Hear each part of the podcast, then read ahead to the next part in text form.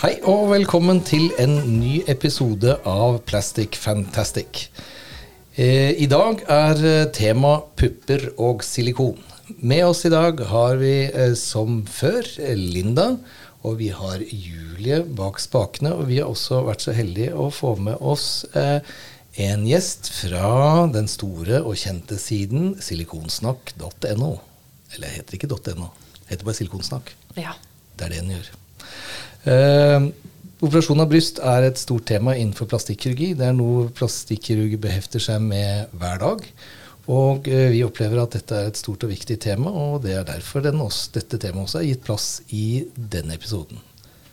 Linda, Hei, hva har vi å snakke om i dag? Du, I dag har vi veldig mye spennende å snakke om. Og med oss har vi jo Helene Pedersen. Velkommen til Hei, oss. takk. Du, eh, du er en av eh, medlemmene og administratorene bak eh, denne Facebook-siden som heter Silikonsnakk. Den blei oppretta i 2015, har jeg skjønt. Mm. Eh, gjort litt research her, og har hele 3400 medlemmer. Ja. Eh, hva fikk deg til å bli med i den gruppa her, Helene? Det var jo det at jeg hadde lyst på silikon. Ja. Og da gjør man som veldig mange andre. Man begynner å søke på nettet. ja. Og jeg søkte på Facebook og fant den gruppa her. Eh, og nå har du blitt administrator. Hva innebærer egentlig det? Vi har ganske strenge regler for å bli med i gruppa. Det krever det. Så det handler egentlig i stor grad om det. At vi må sjekke fødselsdato. Høye krav for å komme inn i gruppa. Og innlegg som legger ut. For Facebook har ganske strenge regler på hva som er lov å legge ut og ikke. Ja. Eh, hvorfor tror du det er så stort engasjement i denne gruppa? For jeg ser jo det er jo daglige Altså alle som sitter rundt bordet her nå, er, vi er medlem i denne gruppa. Eh, også du, Lars. Eh, er og det er jo Jeg har jo sett at det er som sagt det er daglige innlegg. Eh, og det er jo primært da damer som er medlemmer. medlemmer. Og så er det jo da også noen kirurger. Og det, deriblant noen menn, da. Eh, men hvorfor, kan du si noe om hvorfor du tror det er så stort engasjement? Det tror jeg er fordi at vi har vært så strenge med hvem vi tar inn. Vi har opplevd veldig lite at folk har vært stygge med hverandre. Vi er strenge på det.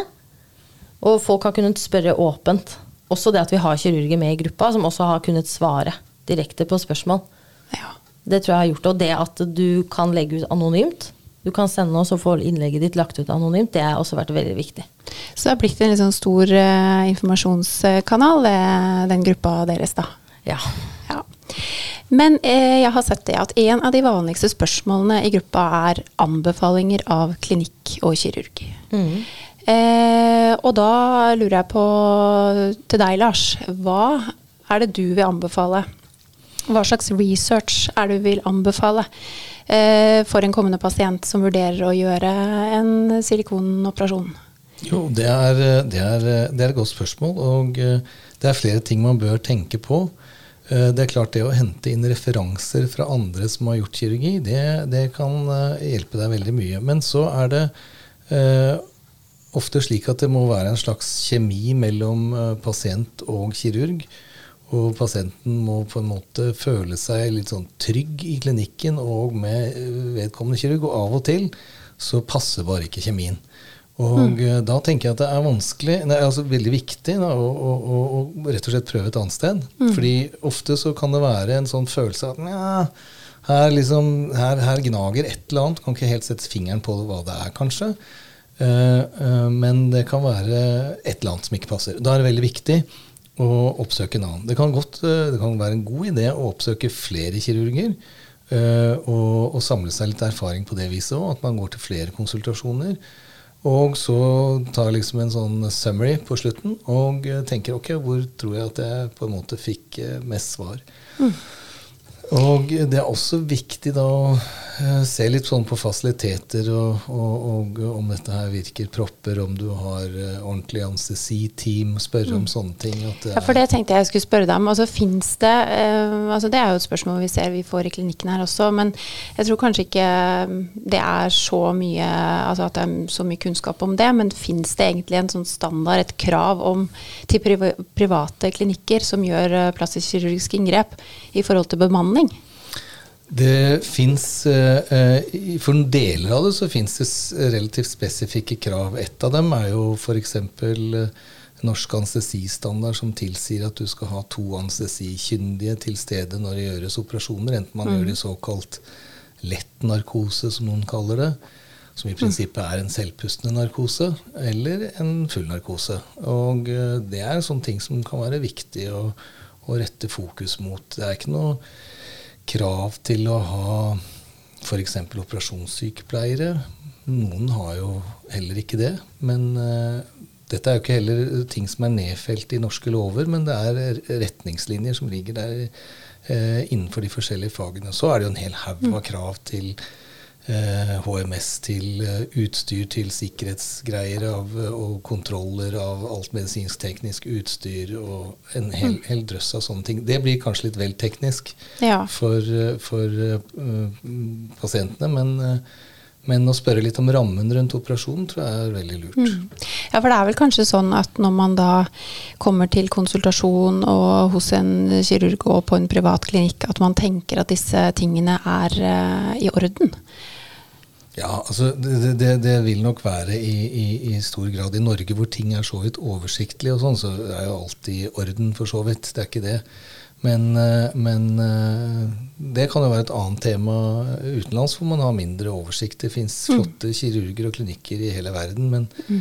eh, kontrollsystemene i Norge er eh, veldig oversiktlige og veldig tydelige. Ja, og det er som du sier at det er med ø, operasjoner utenlands, det er jo en ting vi kommer til å ta for oss ø, videre oh, ja. i, i podkasten. Um, jeg tenker Helene. Det er jo uh, altså behov for utfyllende og mer informasjon er et hyppig diskutert tema i, i gruppa. Ja. Um, har du inntrykk av at det gis for lite informasjon under f.eks. en konsultasjon hos kirurg? Ja, Det er veldig ulikt. Eh, folk sammenligner veldig ofte den informasjonen de får. Mm. Noen får informasjon om å bruke brystbånd, noen får informasjon om når de skal slutte med spille-BH. Og det er veldig ulikt fra plass til plass. Og da sammenligner man i gruppa, og så tenker man hvorfor fikk du annen informasjon enn meg? Ja. Det er noe som går igjen. Ja, det forstår jeg. At det blir jo litt sånn mm. frustrasjon, kanskje. Og man lurer ja. på årsaken til at det blir gitt så mye ulike ja ulike beskjeder. Eh, Lars, jeg vet ikke om du kan kommentere noe på det? Ja, og hvilken informasjon blir gitt på en konsultasjon? Jeg tenker først til Helene igjen. Jeg tror kanskje det der er en av årsakene til uh, populariteten rundt uh, Facebook-gruppen deres. Og det er jo det at uh, folk syns at kanskje informasjonen er litt sprikende og litt forskjellig. Og så vil man gjerne liksom sjekke et forum da, som har jo så klart stor uh, erfaring samlet sett. Men, det, men så er det sånn en gang i medisin at ingen pasienter er helt like. Mm. Og noen ganger er det små ting som gjør at man velger en annen uh, taktikk for én pasient enn for en annen, som kanskje for en utenfra er tilsynelatende helt lik. Mm. Men så, så, er det jo faktisk en del av de behandlings rådene som man gir etter operasjon, og sånt, de er jo ofte, de er ofte basert på erfaring gjennom lang tid. Da. Og den erfaringen kan være forskjellig fra én kirurg til en annen. Det er jo ikke noe, det er jo ikke noe enestående for uh, plastisk kirurgi og brystoperasjoner. Det gjelder egentlig nesten de meste, fleste tilstander som helsevesenet befatter seg med. At det er litt forskjellig oppfatning av hva som er den beste veien å gå. Mm.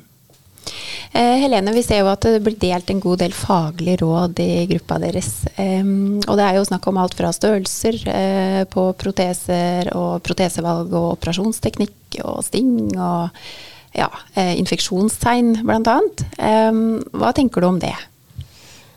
Folk spør jo fordi de er usikre. Mm.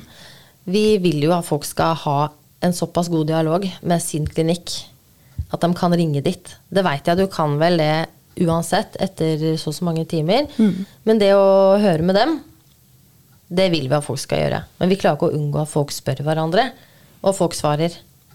Fordi de har opplevd det sjøl. Mm. Det klarer vi ikke å unngå. Og så er det kanskje litt sånn lav terskel å, å sende inn en melding der. Det er det. Ja. det, er det. Um, hvordan ser du på det her da, Lars? At det blir delt uh, liksom faglige råd i, i og, Altså tenk på faglig forsvarlighet, da. Ja, så Gruppene har jo samlet veldig mye erfaring å, mm. øse av, egentlig. Så der tenker jeg at det kan være mye, eh, mye å hente. eh, Og, og som sagt så føles det sikkert som en litt sånn lavere terskel enn å henvende seg direkte til klinikken. Man syns kanskje spørsmålet er for lite, for uviktig, ikke akutt nok, eller eh, hvordan det er, og da kan det være greit. Men så er det klart at så skjønner jeg at det er en del spørsmål som forsvinner ut i såkalt direkte melding.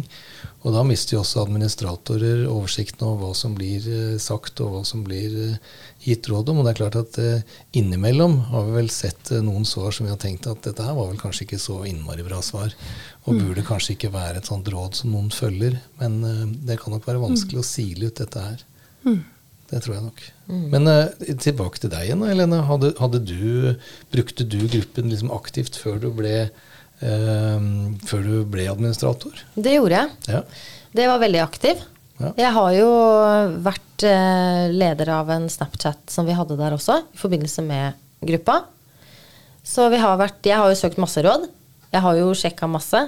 Og så når jeg skulle legge inn, så har jeg gjort det. Jeg fikk jo råd om å legge inn eh, risposer i BH-en for å sjekke om eh, grammene, da, om det passa inn. Og det, jeg har jo gjort det. Jeg gjorde jo det. Ja. Det var jo noen som folk sa det er lurt å gjøre. Så det var Det er derfor jeg ble der. Artig råd. Tok du kokt eller ukokt ris? Ja, jeg tok kokt. Nei, da. For det spørsmålet har jeg fått. Så jeg bruker kokt eller ukokt. Ja, nei. Jeg tok uh, boil in bag. Det blei det. Ja, ukokt. Ukokt. Ja, det høres bra ut.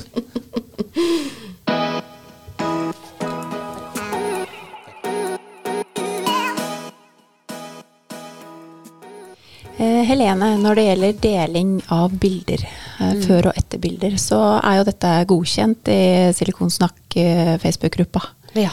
Um, opplever du at det er mange som eh, spør om det? Det er det.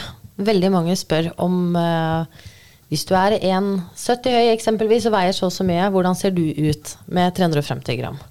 Ja. Så vil folk legge ut bilde under tråden. Eller før- og etter bilder. Ja. Mm. Men Lars, eh, her i Norge så er det jo eh, klare restriksjoner på det. Det er jo rett og slett forbudt mot deling av før- og etterbilder etter kirurgiske inngrep. Ja, Dette er jo derimot lov.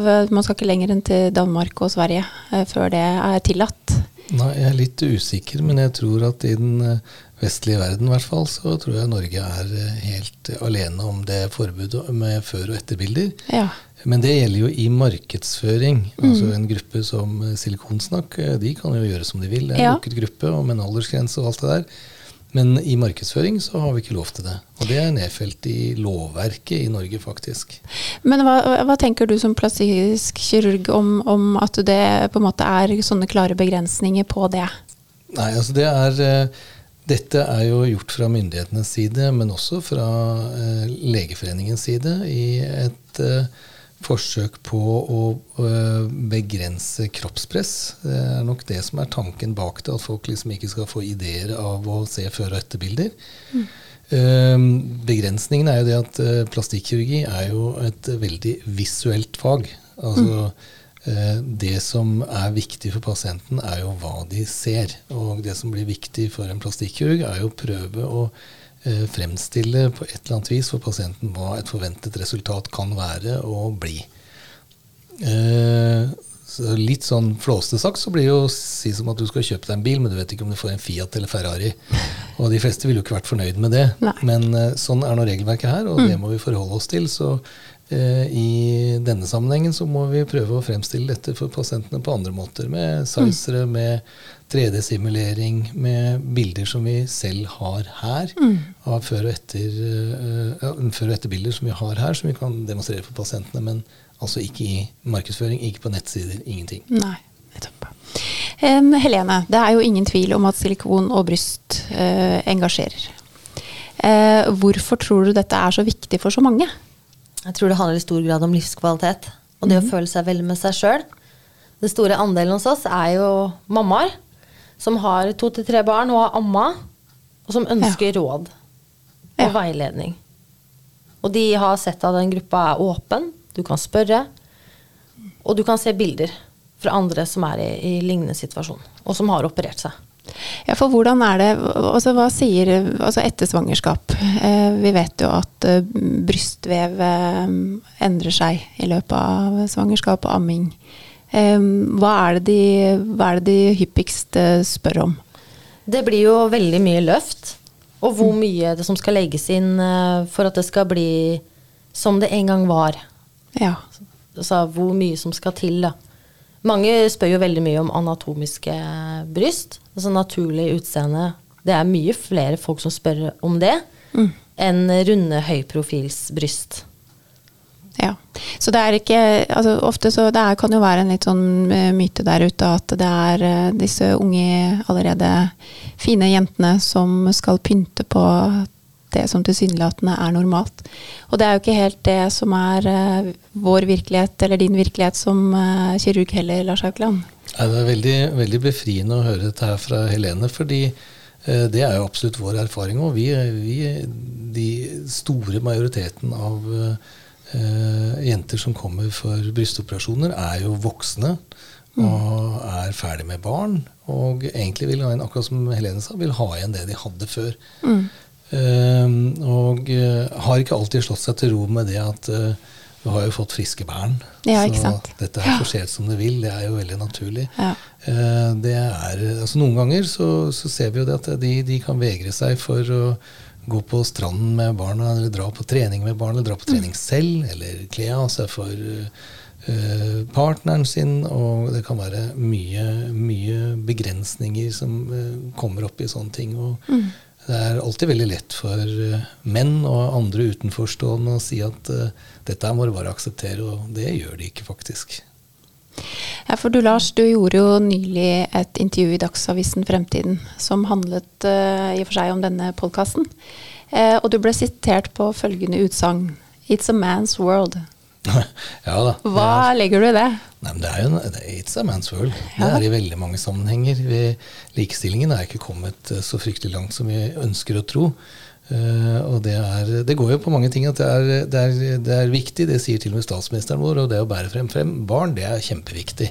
Det er jo ut å få barn, sa hun for et par år siden i et uh, intervju. Og uh, så blir jo ofte kroppen veldig forandret. Det gjelder jo ikke bare bryst. Uh, etter et svangerskap. Og mange kvinner er nok blitt litt sjokkert over hvor mye kroppen forandrer seg. Og eh, kan være ganske ukomfortable med det i ettertid. Så er det jo en hel masse mennesker da som påstår at eh, sånn skal de ikke føle seg. Og det er jo veldig fint, det, men eh, de gjør nå det allikevel. Og det hjelper ikke å bli fortalt at uh, dette her uh, er uh, kjempefint, dette må du bare være kjempefornøyd med. De, de blir ikke noe mer fornøyd av det heller, og livskvaliteten reduseres. Og der blir det fortalt at uh, skjeve keisersnitt eller folder etter det, og det er hedersmerker, og det må de bare leve med. Og det hadde ikke skjedd i en manns verden, er min uh, mening. Det er eh, mye menn ikke uh, eh, finner seg i. Og eh, eh, det Men nå bekoster disse jentene selv eh, denne eh, rehabiliteringen, eller hva man skal kalle det. Og eh, det er eh, det, jeg tror mange av de føler nok litt sånn rart at eh, folk i store posisjoner og eh, med store talerør og mye pondus forteller dem at eh, det de gjør, er ikke noe bra.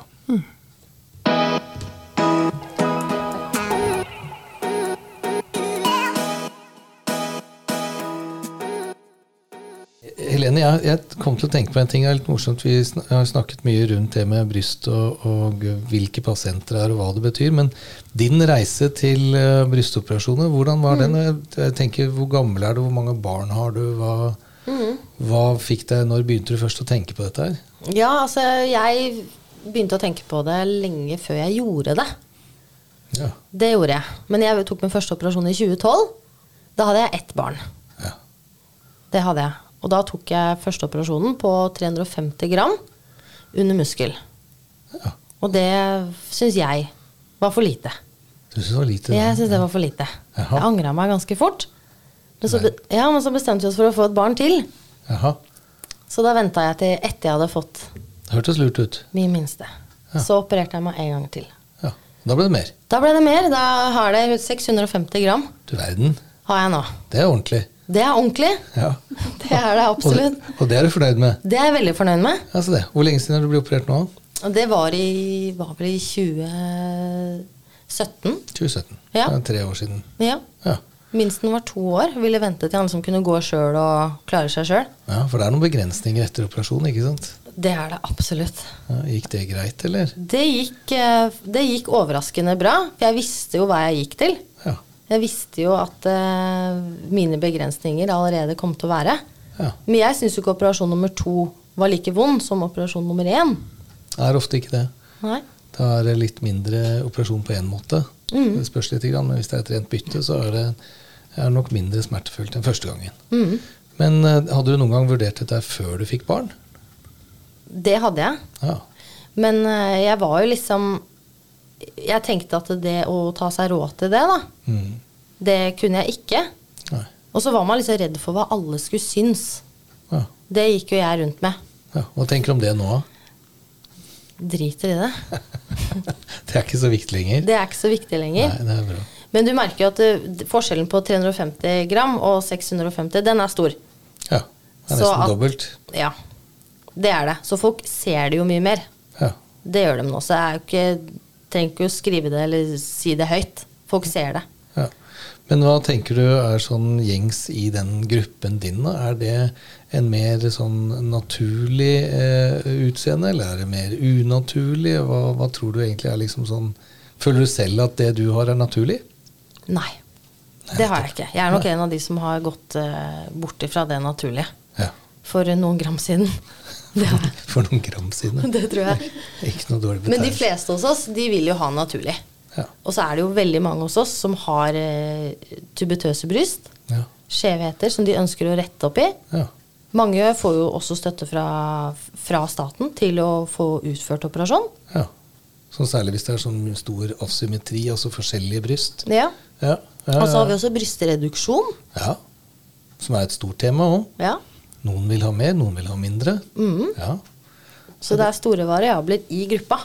Ja, Men det tror jeg faktisk er det du beskriver der, og det du har sagt før, jeg tror jeg er akkurat det som de fleste av oss eh, i klinikkene rundt omkring tenker, at eh, det er en ganske sammensatt eh, gruppe med mange forskjellige problemstillinger, og mye av det handler om, om, å, om å gjenopprette noe som har enten vært for stort eller for lite, eller skeivt, eller eh, og kanskje, Hvordan føler du at eh, media på en måte fremstiller det med brystoperasjoner, sånn i forhold til den verden du kjenner?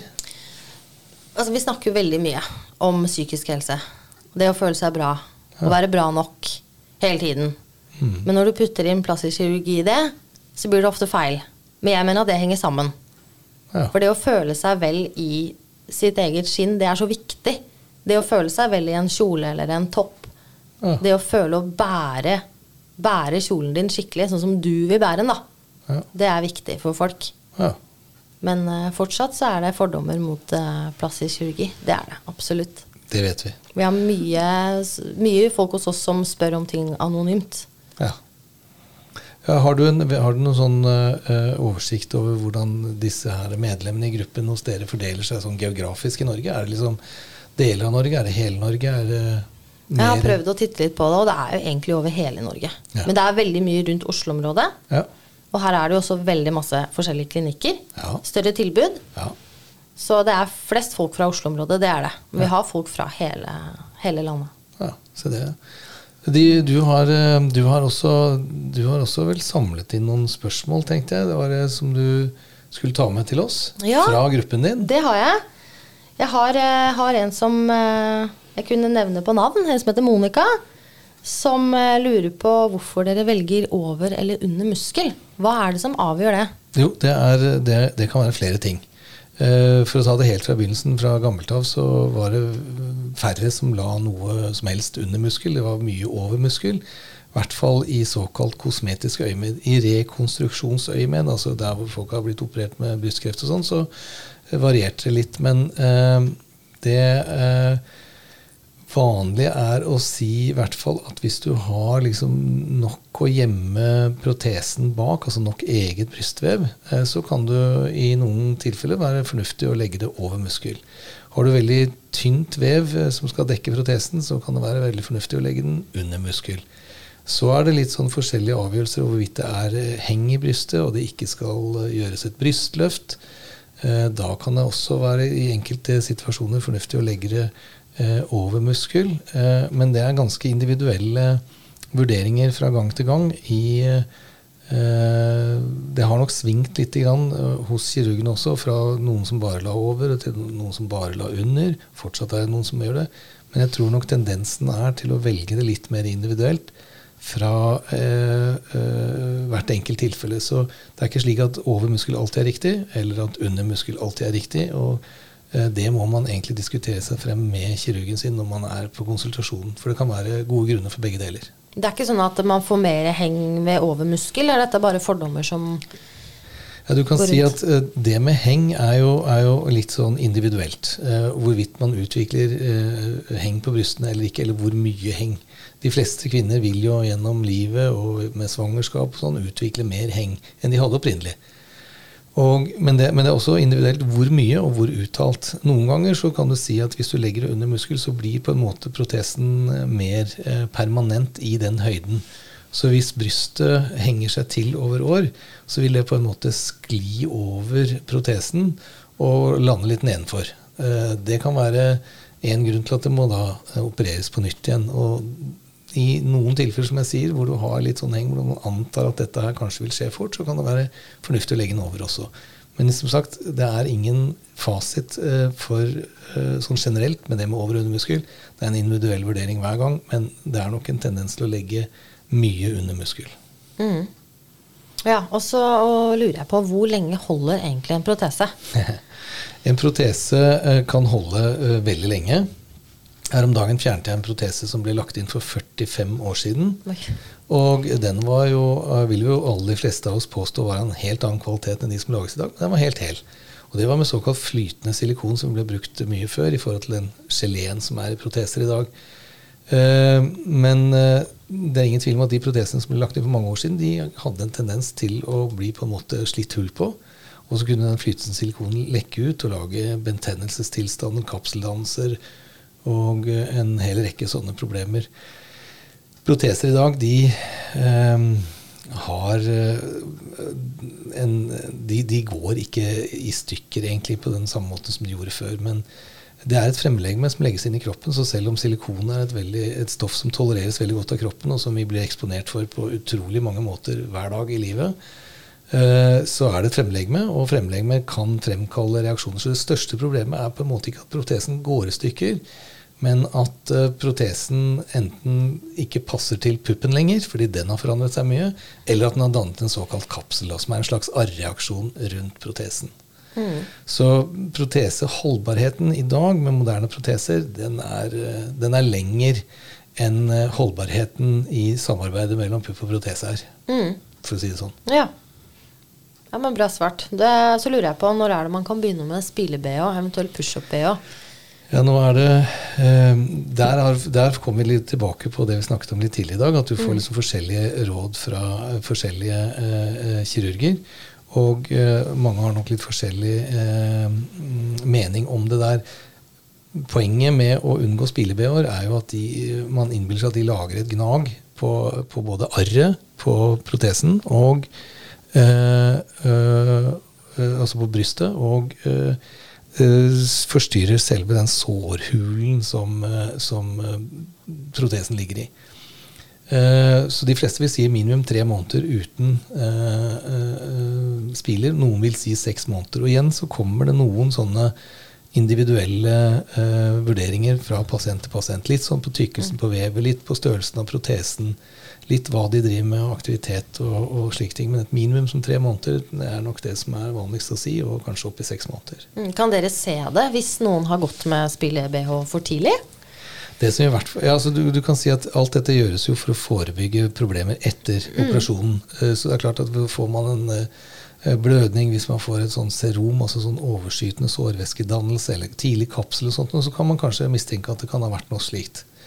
Eh, det vi så veldig tydelig før, og som vi kanskje ikke var obs på tidlig nok i, i, i, for mange år siden, var jo at uh, ofte brukte jo jenter, som du nevnte deg selv, var kanskje ikke så fornøyd med den størrelsen de hadde fått, og ville gjerne blåse opp litt mer, så brukte de pushup-BH-er. Mm. Og da med sånne harde innlegg på siden under som får liksom brystet til å strutte opp. Og hvis man gikk det, og Noen går jo faktisk med det kontinuerlig, noen sover til og med med det. Da kan du på en måte da kan du lage et slags avtrykk av den oppfyllingen i pushup-BH-en som du kan se på brystet. Og det kunne vi se helt tydelig. Da er liksom formet brystet litt sånn som pushup-ben er. Og da når du tar av pushup-ben, så ser det ganske rart ut. Mm. Ja. Kanskje derfor de går med det hele tiden, da. Ja. Eh, så lurer jeg på hva er det som avgjør om du legger inn protesa i under armen, armhulen, eller gjennom eh, brystvorte, Ja. eller under. Ja, si, Det er de tre veiene normalt som man kan bruke. Det brukes eh, Via brystvorten brukes veldig lite i, i Norge. Det brukes mer i mange andre land, og det er nok også en landslagssom tradisjon eller kultur for hvor man vil ha arret plassert. Og Det gjelder også det med å legge det i armhulen. Det vanligste i Norge i dag er i hvert fall å legge det i folden under brystet. Og så er det jo blitt stadig mer av det å legge det inn via eh, armhulen. Da er jo argumentet mest det at man eh, får et arr som på en måte ikke syns. Da ligger det jo i armhulen, så det syns liksom ikke. Eh, teknikken ble nok utviklet i første omgang for de som er arrdannere, altså som danner stygge arr. At hvis du først skal få et stygt arr, så er det fornuftig å ha det i armhulen istedenfor rett under brystet. Men eh, det er også litt forskjellige teknikker. Og eh, når vi legger det via armhulen, så legger vi det alltid under muskel. Eh, og eh, da er det faktisk tilbake igjen. Da, vil noen kirurger si til at du skal bruke spile-BH fra dag én. Oi! Ja da. Det er eh, Så ja, noen av de som, som bruker som sagt eh, Når de har lagt inn via armhulen, så vil de at de skal bruke spile-BH fra dag én. Så der igjen vil du også få forskjellige svar. Det er for De tenker at da stabiliserer du det bedre sånn sett. Da har du heller ingen såråpning der hvor spilen ligger. Så det kan jo være en grunn. Mm. Ja. Men, eh, men eh, grunnen til å ikke legge gjennom eh, hvorfor vi ikke velger å legge så mye gjennom brystvortene, det gjør i hvert fall ikke jeg. Og det er jo det at da går det jo på en måte gjennom brystkjertelen også. Og du må gjennom området for brystvorten. Og dette regnes jo litt som litt mindre sterilt område, for det er jo ingenting som er helt sterilt med et bryst når du legger inn. Derfor bruker vi også forskjellige sånne teknikker for å unngå å få kontakt med protese og hud. Samme problemstilling har du litt i armhulen. Noen vil si at det er liksom en større infeksjonsport enn å legge det under bryst. Men alt dette her er litt sånne vurderinger som man ofte gjør sammen med kirurgen sin, avhengig av hva man ønsker og hvilke problemstillinger man har. Og eh, ja. Men som sagt, i en rekkefølge så er det nok vanligst under bryst, dernest i armhule og sist gjennom brystvorte, i hvert fall i Norge. Mm. Ja, for det varierer jo veldig i gruppa vår. Ja. Så hør på kirurgen din, ja hva de det- anbefaler. Jeg tror det. Og så kan man jo stille spørsmål hvis man ønsker eksempel å få det gjennom armhulen. Så spør kirken hvorfor vil du ikke legge det gjennom armhulen. Liksom. Og så kan man få et svar på det. Eller samme gjennom brystvorten. Mm. Men jeg lurer på en annen ting. Dropping. Ja. Er det myte, eller er det noe som reelt skjer? For det skjer ikke på alle, men det skjer på noen. Nei, det, det er ingen myte, og det skjer. Men det skjer igjen, da. Så er det så veldig mange individuelle forskjeller. Så akkurat som jeg fortalte i sted om at noen får mye eller mer heng, og noen får mer heng etter å ha lagt inn, altså droppingen også. Og det er rett og slett at det er store individuelle forskjeller på elastisiteten, eller den manglende sådan, fra én pasient til en annen. Så dropping skjer, men i større eller mindre grad. Mm. Så det er ikke bare en eh, myte. Nei da, slett ikke. Absolutt ikke. Og så har vi dette med brystbånd og sånn. For folk får så veldig ulike råd. Mhm. Ja. når er det man liksom skal bruke brystbånd? Når skal man ikke bruke det?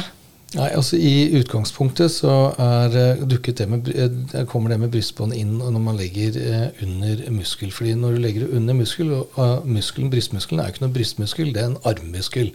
Så den aktiveres når du bruker armen. Og eh, det som gjør når du, Da vil brystet bli presset eh, litt utover og nedover. Altså en slags, Vi kaller det for animasjon da, i større eller mindre grad.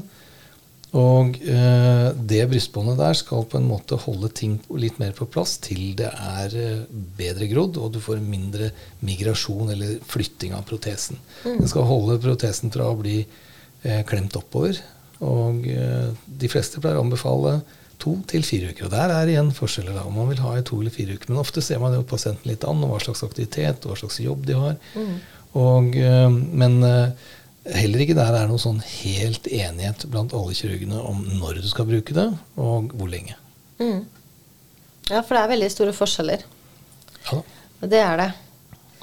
Jeg lurer på Mange lurer på dette med å få dekket operasjon av staten. Er det noe som dere som klinikk bidrar med? Å få sendt inn søknader? Eller når ser dere liksom at eh, her kan vi få sendt inn en søknad for dekket operasjonen? Ja, altså Normalt vil det være fastlegen din som henviser deg til et offentlig sykehus for en brystoperasjon hvis det er en operasjon som faller inn under det offentlige. Det å få eh, erstattet volum etter, eh, etter barnefødsler f.eks., det, er, det er ikke en oppgave som det offentlige tar seg av. Nei. Eh, de få gangene det offentlige sier at dette er vår eh, sak, det er hvis du har eh, enten ingen brystutvikling på begge bryster i det hele tatt. Da kan det være at uh, du kan få brystforstørring rett og slett dekket av det offentlige. Noen ganger så har du det bare på én side, kanskje på to. Noen ganger har du et uh, veldig stort bryst på den ene siden og et lite, altfor lite på den andre. Da kan du også få gjort en såkalt symmetrisering, at du gjør et løft og, uh, ene, eller en reduksjon på det ene og en forstørring på det andre, eller en kombinasjon av de i en eller annen form. Men uh, det er stort sett det du får dekket gjennom det offentlige. Og uh, brystforstørringer eller brystløft etter svangerskap og fødsel og slikt, det dekkes ikke av det offentlige. Nei. Nei. Nei, det gjør det ikke. Det er mange som spør om det, i hvert fall. Det er det.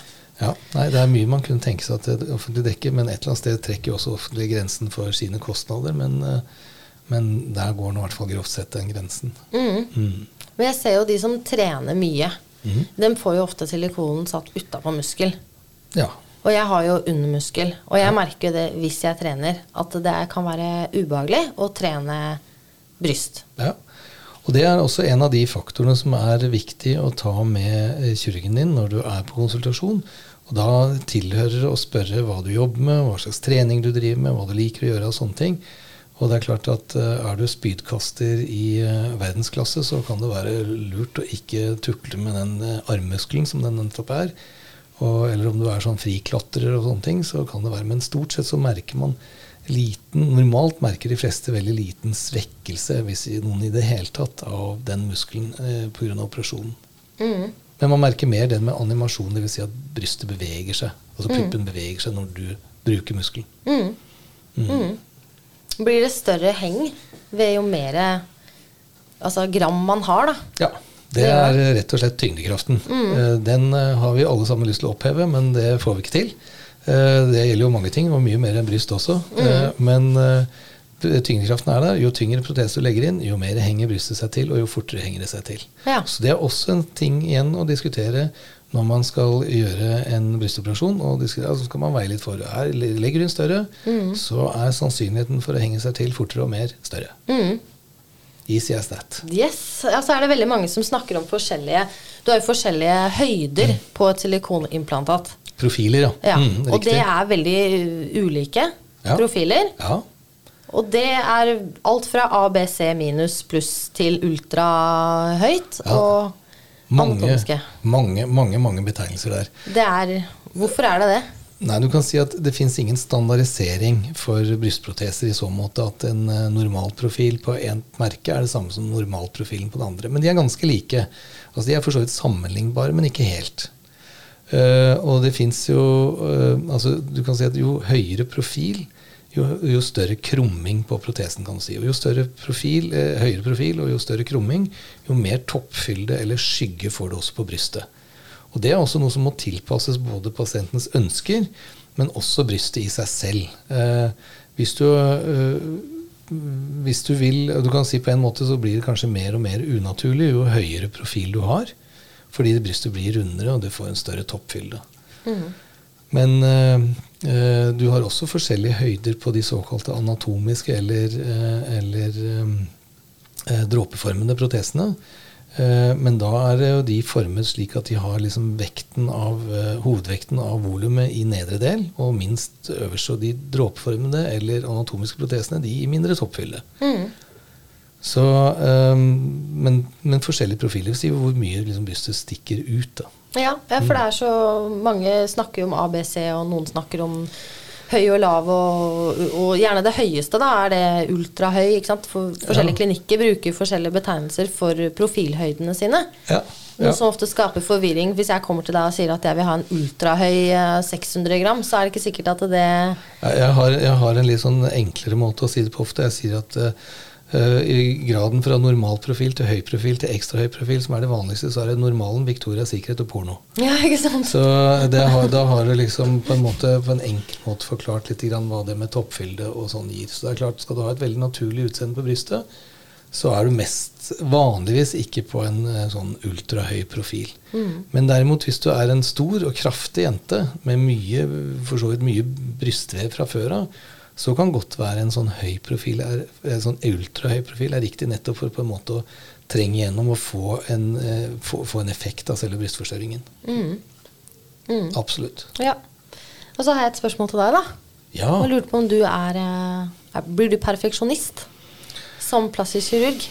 Ja, altså du kan si at uh, du lurte inn et spørsmål før vi begynte med, med denne episoden i dag også. Ja. Om jeg kikket meg rundt uh, alltid og så mm. på hva jeg kunne endre. Uh, hvis det er det du lurer på, så nei, det gjør jeg ikke. Da hadde, da hadde, jeg blitt tullete. fordi det er mye å se på der ute. Og jeg bør ikke mer enn å se på meg selv, så kan jeg begynne å fundere hva jeg kan holde på med i dagevis og månedsvis. Men når vi er Eh, når vi er på operasjonsstuen og på bordet, så blir nok de fleste av oss perfeksjonister. Det er jo veldig synlig, det vi gjør. Det nytter ikke å gjemme bort resultatet. Det nytter ikke å bortforklare det. Eh, så, så du er nødt til å være litt perfeksjonist eh, der og da. Men i forhold til alt mulig annet nei, egentlig ikke. Nei. Jeg tror jeg får uttømt mitt behov for perfeksjonisme på operasjonsstuen. og bruker ikke så mye ellers. Mm. Ja, men det er bra. Det er bra. Nå har ikke jeg noen flere spørsmål eh, fra følgerne våre, i hvert fall. Det er så bra.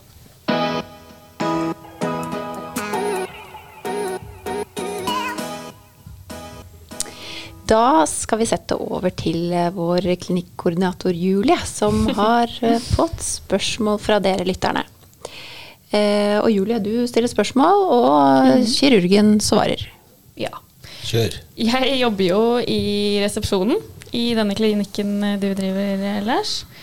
Uh, får jo spørsmål Veldig flink òg, da, må jeg bare si. Takk for det. Er vi enige alle sammen? uh, jeg får jo spørsmål daglig. Uh, og så la jeg jo også ut på Instagram en sånn spørsmåls... det gjorde du? Ja, på Instagram. Ja. Mm. Så jeg har fått inn litt spørsmål, og så har jeg også tatt med noen av de spørsmålene jeg får på telefon i resepsjonen. Mm. Kjør. Kjør. Svare litt kort, da. Du er litt fælt å skravle, så prøv å holde deg litt kort. Kommer til å koste meg, men jeg skal prøve. ok. Eh, det er mange som lurer på om man kan leve som normalt etter en silikonoperasjon. Så mange som lurer på dette med sex og sport, øh, løping og ja. Du mener at jeg skal svare kort på det der? Det var et veldig, veldig langt spørsmål. Så kort du klarer. Ehm, du kan si at eh, en enkel regel, kanskje, som jeg ofte sier, er at de eh, to første ukene etter en operasjon skal du ta det mest mulig med ro. Og belaste i forhold til brystoperasjon, altså, eh, belaste armene i minst mulig grad. Bare det mest nødvendige for å stelle deg selv og mat og sånne ting. Etter to uker så kan du begynne normalt å aktivere normal aktivitet. Dvs. Si alt du gjør dagligdags, bortsett fra tunge løft og trening. Mens etter seks uker eh, etter operasjonen, da kan du begynne å forsiktig gjenoppta trening og eh, tyngre løft. Det er en sånn grunnsak. Mm. Og så må man, altså når det gjelder i forhold til sex, så må jo folk bruke sin egen fantasi, tenker jeg da. Det er vanskelig å gi veldig konkrete råd, men uh, hvis man holder seg til den, uh, til den uh, anbefalingen jeg begynte med, så tror jeg man finner ut av det. Og så pleier jeg å legge til sånn hvis det er noe du lurer på om du kan gjøre eller ikke, så kan du ikke. ja, det er en grei regel, det. Får man sykemelding etter en proteseoperasjon? Nei, altså har du gjort en, eh, det som regnes som et kosmetisk inngrep, og ikke et medisinsk inngrep, så du, har du ingen sykemeldingsrett. Så da må du bruke tilpasninger på jobben, eller avspaseringsperioder, eller ferie, eller slike ting. Har du mm. derimot en komplikasjon som følge av en brystoperasjon, altså hvis du skal uh, operere ut uh, kapsler, eller du skal gjøre en brystreduksjon, som er altså en medisinsk indikasjon, og sånn, så kan du få sykemelding. Og den lengden på den er jo litt avhengig av hva du jobber med. Om du er hjemmedesigner eller sånn webdesigner med hjemmekontor, så kan du jo begynne å jobbe veldig fort. Og hvis du er brannmann, så må du vente lenge. Ja. Um, skal vi se hvis man planlegger barn i nærmeste fremtid, bør man da vente med operasjon, og hvorfor? Ja. Hvis du planlegger barn i umiddelbar fremtid, så bør du vente med å operere deg. Og det er jo litt fordi brystene som regel endrer seg mye, i hvert fall i større og mindre grad, eh, individuelt, som jeg sa før, men endrer seg jo gjerne i svangerskap. Og da kan det resultatet som du hadde akkurat fått, eh, bli annerledes etter eh, brystoperasjonen. På den annen side så går de fleste jenter både gjennom ett og to svangerskap med protesene uten at de trenger å gjøre noen ny operasjon.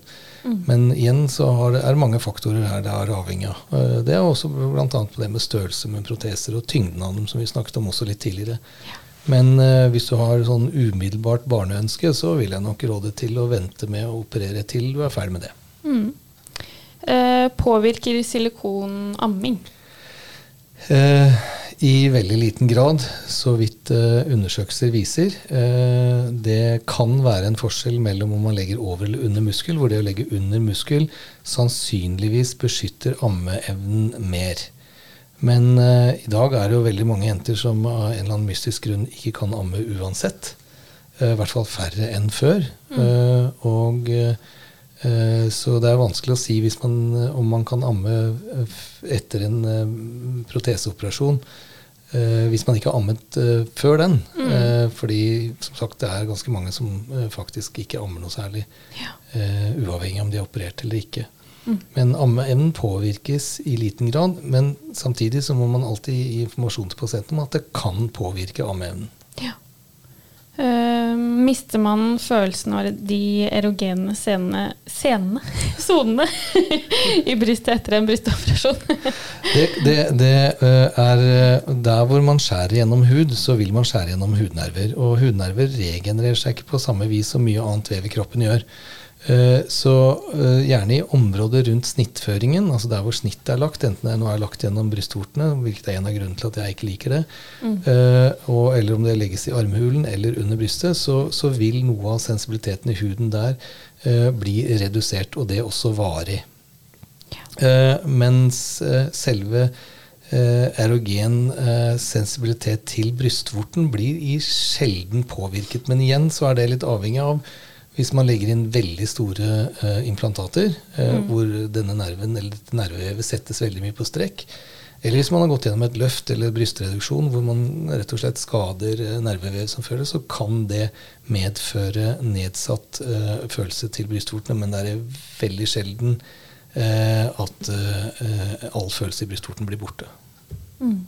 Saltvannsproteser, brukes det Nei, i, i, Norge brukes det i veldig liten grad. Man bruker en slags form for en sånn hybridprotese når man driver og rekonstruerer bryst, som kalles en expander, som har altså en silikonbit og så en saltvannsbit, hvor man blåser opp denne gradvis for å få huden til å utvide seg, for så å kunne legge inn den endelige protesen som man vil ha i den størrelsen.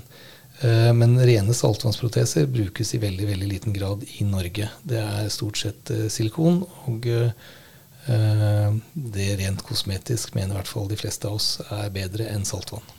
Ja. Du får prøve å være kort, da. Eh, men uh, hybrid brystforstørring altså, Vi kommer jo til å ha flere episoder med bryst, ah. men prøv så kort du kan. Hybrid, hybrid det er en kombinasjon av silikon og eget fett. Ja. Da kan man legge inn mindre proteser og større del av det med fett. Mm. Uh, og hvordan vet man om man trenger brystløft uh, eller bare protese uten løft?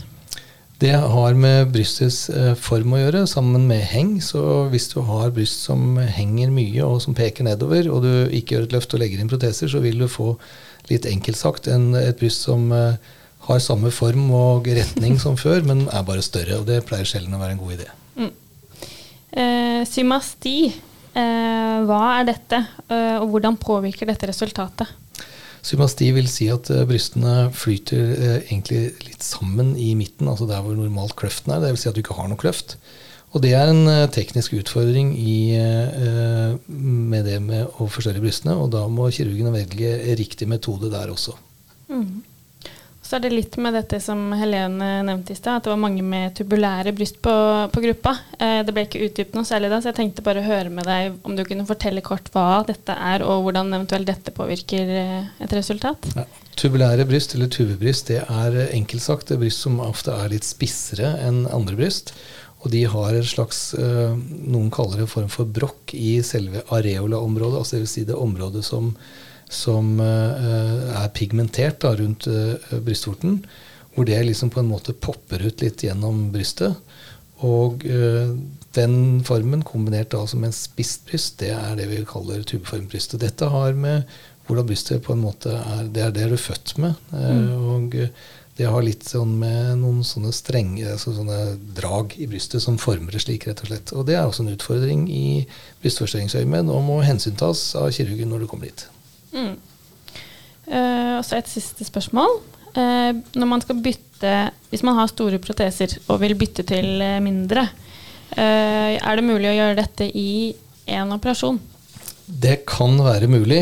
Eh, det kan være mulig, Men det spørs hvor store du går, eh, proteser du går fra, til hvor små du har lyst. Altså, du kan ikke ta en veldig stor protese og bytte ut med en bitte liten protese uten å gjøre noen andre grep, for da vil den liksom på en måte litt fjåste sagt bare slenge rundt. Uh, mm.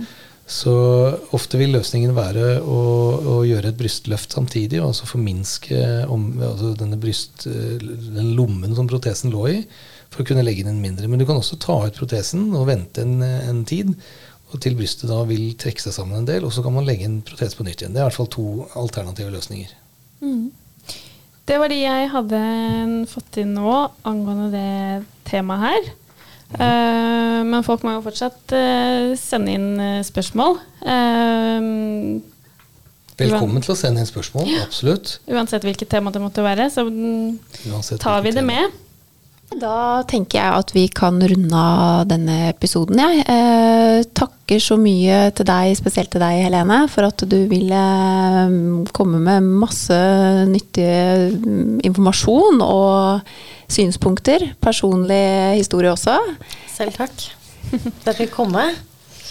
Det er, eh, tusen takk ja, for besøket. Vi syns det har vært lærerikt. Veldig hyggelig å bli kjent med det også. Og eh, jeg er sikker på at uh, Eh, selv om vi har besvart mange spørsmål, kan det nok være flere der ute. Og vi skal ta oss av de også underveis. Og mm. da, hvis du har lyst til å sende oss tips om temaer eller gjester, så som før, send det til oss eh, på Facebook, Instagram på Klinikk Haukeland.